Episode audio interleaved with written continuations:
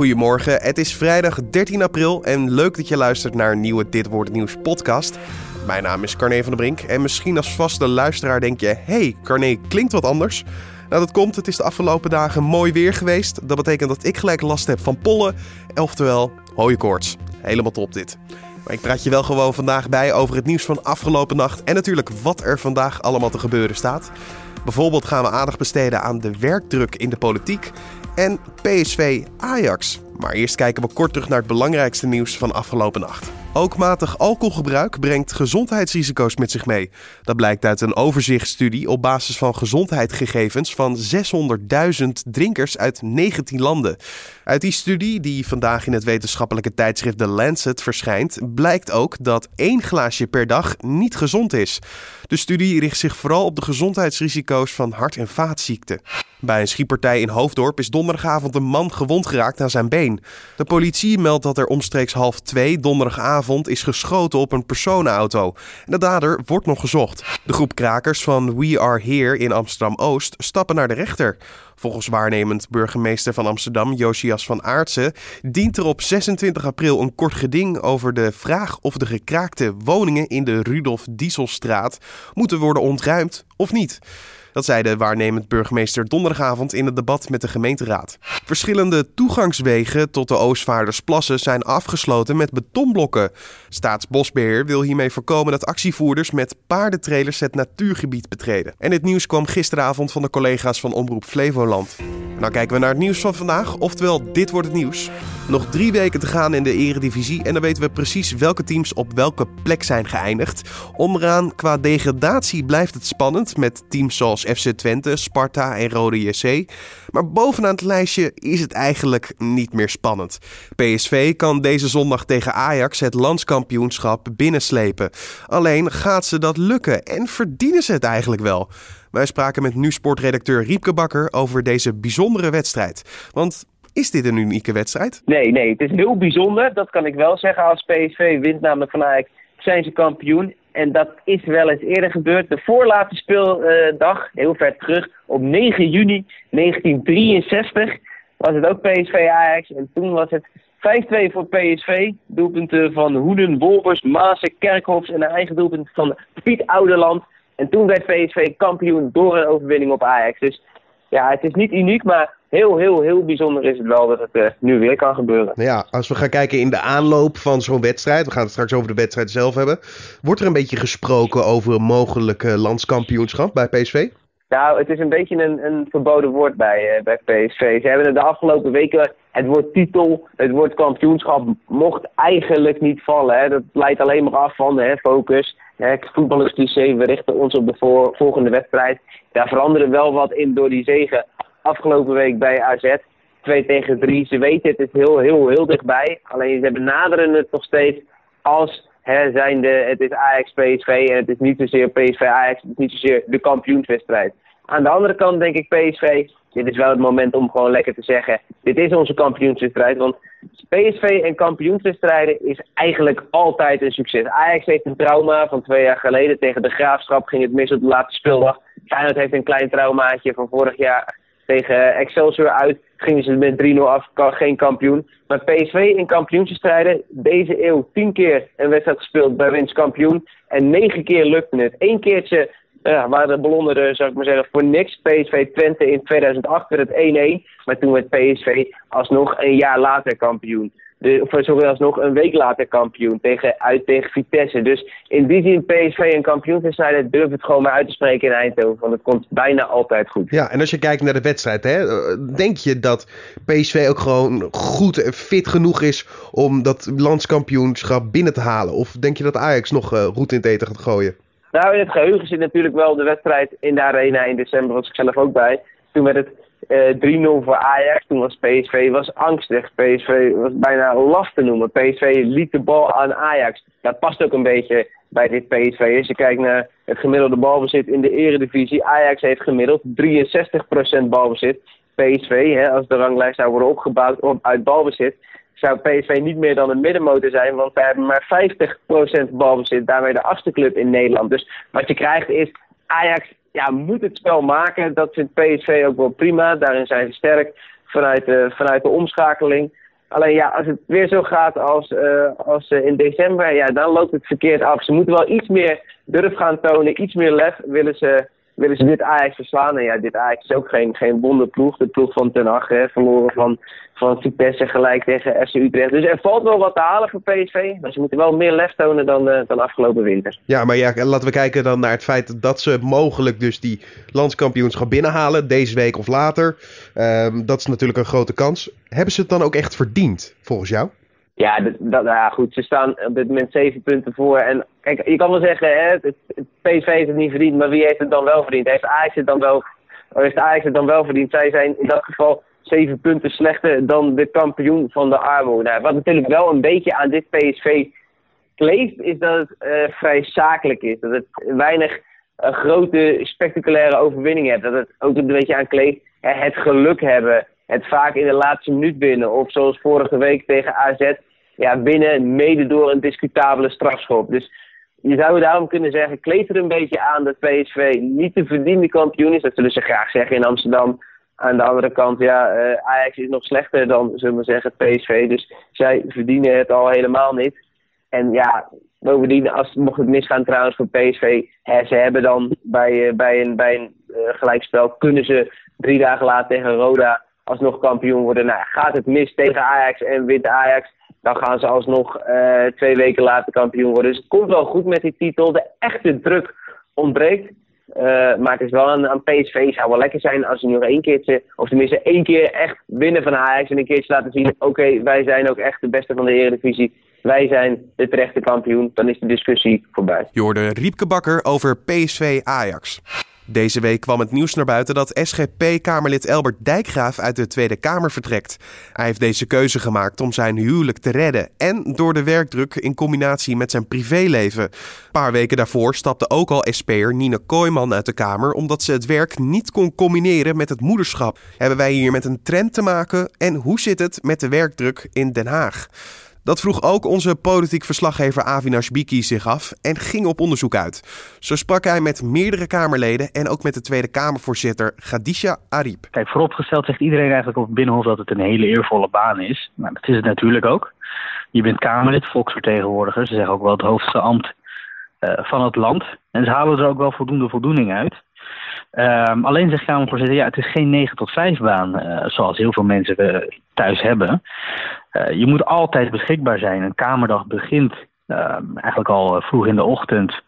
En um, ja, eindigt ook vrij laat als je even pech hebt. En je moet ook altijd beschikbaar zijn, ook als je thuis bent of je bent aan het eten en er gebeurt iets. Ja, je moet eigenlijk altijd bereikbaar zijn om reactie te geven, om of eventueel te overleggen. En dat geldt ook voor het weekend. Ja, eigenlijk normale mensen die hebben. Of, gewoon, of die kunnen gewoon weekend vieren. Uh, maar ja, voor, voor een Kamerlid is, is, staat een week eigenlijk niet echt vast. En ja, vrije tijd, dat is schaars. Dus ja, zo'n zo'n ambt als Kamerlid is heel zwaar. Iedereen weet dat ook. En iedereen weet ook dat er veel gevraagd wordt. Um, ja, een normaal privéleven heb je dus eigenlijk niet. Nee, het komt een beetje terug op neer. Het feit van Kamerlid ben je misschien 24 uur per dag, 7 dagen in de week als ik dit hoor. Maar is het dan zwaarder geworden dan in de afgelopen paar jaren? Ja, dat kun je je afvragen. Uh, die vraag heb ik ook gesteld. Uh, aan, aan de Kamervoorzitter Ariep. Die is ja, sinds 1998 al uh, loopt zij rond op het Binnenhof. Samen met uh, Geert Wilders is hij een van de langzittende Kamerleden die we hebben. En zij zegt, ja, het is wel veranderd. Uh, zij kreeg van, van haar fractievoorzitter destijds, Ad Melkert van de PvdA... de tijd en de ruimte en ook het advies en de wijsheid... de eerste vier jaar dat je Kamerlid bent... Uh, moet je gebruiken om het ambt te leren. Uh, dus ja, hoe werken dat nou met amendementen? Hoe moet je moties indienen? Wat is een procedurevergadering? Hoe ga je het effectief te werk? En uh, zij zegt, ja, die, die tijd en die ruimte, het lijkt er wel op alsof uh, Kamerleden dat uh, tegenwoordig niet meer hebben. Zij moeten dus die eerste vier jaar gelijk excelleren en gelijk, ja, een Kamerlid zei dat, shinen, noemde zij het. dus je krijgt niet echt de tijd meer om, om het vak echt goed te leren en onder de knie te krijgen. wat je wel moet doen, is eigenlijk zo zichtbaar mogelijk zijn. dat betekent dus dat jij debatten moet gaan aanvragen. Uh, die, debatten, ook echt moet bij gaan wonen. Moties moet indienen. Uh, kamervragen moet stellen. Op social media actief moet zijn. en bereikbaar zijn voor de pers. s'avonds bij een talkshow en, of bij Nieuwsuur. Dus ehm, ja, wat, wat, wat betreft is dat wel echt, echt zwaarder geworden. ik sprak ook een Kamerlid van de SP, uh, Salet Karabulut. Loopt hier ook al twaalf jaar rond. En zij herkent dat wel. Zij zegt, ja, het, het is toch wel meer geworden. En misschien ook wel wat heigeriger. Ehm, dus dat werkt is, ja, is wat zwaarder genomen, geworden en toegenomen inderdaad. Ja, maar moet er dan iets, als ik dit hoor, moet er dan iets veranderen? En wat dan? Ja, de Kamerleden zeggen ook wel, het is, het is nou eenmaal zwaar werk. Uh, er wordt nou eenmaal meer veel vergaderd. En je weet ook van tevoren wel waar je voor tekent. Uh, jouw thuisfront weet ook van tevoren waar je voor tekent. Uh, maar om even op je vraag terug te komen, uh, wat, wat er dan moet veranderen. Ja, dat, daar ga je niks aan veranderen, zeggen de Kamerleden.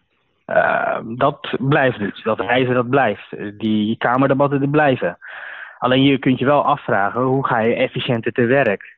Is het nodig om overal een debat over aan te vragen? Ik hoor dat ook hier in de wandelgangen. Ik, ik deze week met verschillende mensen gesproken, ook beleidsmedewerkers en ook met, met woordvoerders. Die zeggen, ja, soms moeten wij ons ook afvragen, waar gaat dit debat ook weer over? Dan, is, dan, dan vraag je dus een debat aan en dan vijf weken later wordt hij pas ingepland, omdat er zoveel debatten zijn. Uh, ja, dan moeten die, die Kamerleden moeten zich ook afvragen, ja, waar ging dit nou eigenlijk over? Nou, als dat het geval is, dan moet je je toch echt als Kamer gaan afvragen, is het nodig om echt overal een debat over aan te vragen? Is het nodig om uh, overal maar een motie over in te dienen, terwijl anderen daar ook een motie over hebben ingediend? Nou, het zijn, dat zijn dingen waar je toch over moet nadenken, als Kamer, als Kamer uh, zelf ook. Ehm maar, maar durven Kamerleden dan wel ja, te klagen over de werkdruk? Nee, nee dat, dat, dat, dat durft eigenlijk niemand. Um, en ze klagen ook niet. Ook als je het ze vraagt, klagen ze ook helemaal niet. En ik zeg ook verder ook niet dat ze klagen. Um, ik constateer wel dat het moeilijk is voor Kamerleden om um, te vragen om meer geld. Uh, want daar komt het eigenlijk wel op neer. Hè? als je de ondersteuning wil uitbreiden, betekent dus dat er meer geld naartoe moet. En dan vraag je weer iets van de belastingbetaler. En dat ligt dus wel extreem gevoelig in Den Haag. Kamerleden willen dus sowieso niet klagen. En Kamerleden liggen ook al onder een enorm vergrootglas. Hè? Ze worden voor van alles en nog wat uitgemaakt. Ze worden bedreigd op social media, beschimpt op social media. Ze worden neergezet als zakkenvullers en luilakken. Ja, dan moet je toch echt wel uh, heel veel moed hebben en een hele grote zijn om te zeggen dat de werkdruk te hoog is. En dat je uh, meer geld wil voor ondersteuning. Dus ja, ik ben benieuwd hoe dat gaat. Misschien moet er ook wel anders gekeken worden naar wat voor werk Kamerleden nou eigenlijk echt doen. En moet er misschien ook wel een stukje meer waardering. Kamerleden doen lang niet alles goed. En daar zijn wij dus op media ook voor om daar als dat te ver gaat en als het niet goed gaat, uh, om daar verslag van te doen. Om nou te zeggen dat ze het alleen maar slecht doen. Ze leveren ook zeker goed werk. En ja, misschien moet er ook wel een discussie over uh, ontstaan over of, of het wel nodig is om zo, uh, zo intensief dit werk te doen. Vandaag verschijnt op nu.nl een uitgebreid artikel over ditzelfde onderwerp. En je hoorde onze politiek verslaggever Avinash Biki. En dit gebeurt er verder vandaag nog. Minister Stef Blok van Buitenlandse Zaken spreekt in Moskou met zijn Russische collega Lavrov. Blok wil vooral inzetten op steun van de Russische regering in de vervolging van de daders van MH17.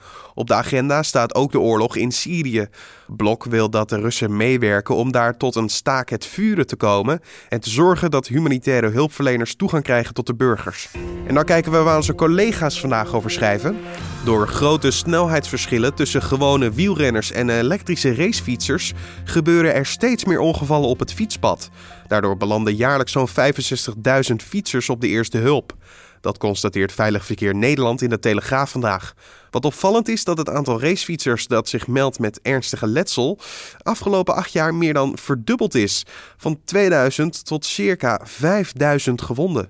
Nederlandse jachtvliegers die van 2014 tot 2016 actief waren in de strijd tegen IS, hebben daarbij geen enkele misser gemaakt. Bij vier bombardementen waarover twijfel was, valt de F-16-piloten niets te verwijten. Dat staat volgens het AD in een brief die minister Ank Bijleveld van Defensie aan de Tweede Kamer stuurt. De F-16-piloten gooiden meer dan 2000 bommen, maar gingen geen enkele keer buiten het boekje.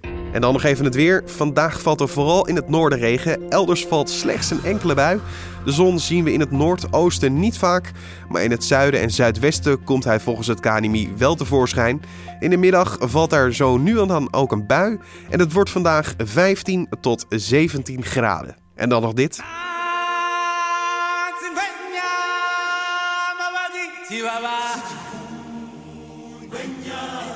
Ja, een nieuw begin in het dierenrijk kan je wel zeggen. Het neushoorntje Naomi, dat op 1 maart 2018 geboren is in Burgerzoo Arnhem, mag vandaag voor het eerst naar buiten. Rond kwart over acht in de ochtend zal ze samen met haar moeder Kwanza voor het eerst kennis maken met haar medebewoners op de grote savannah-vlakte.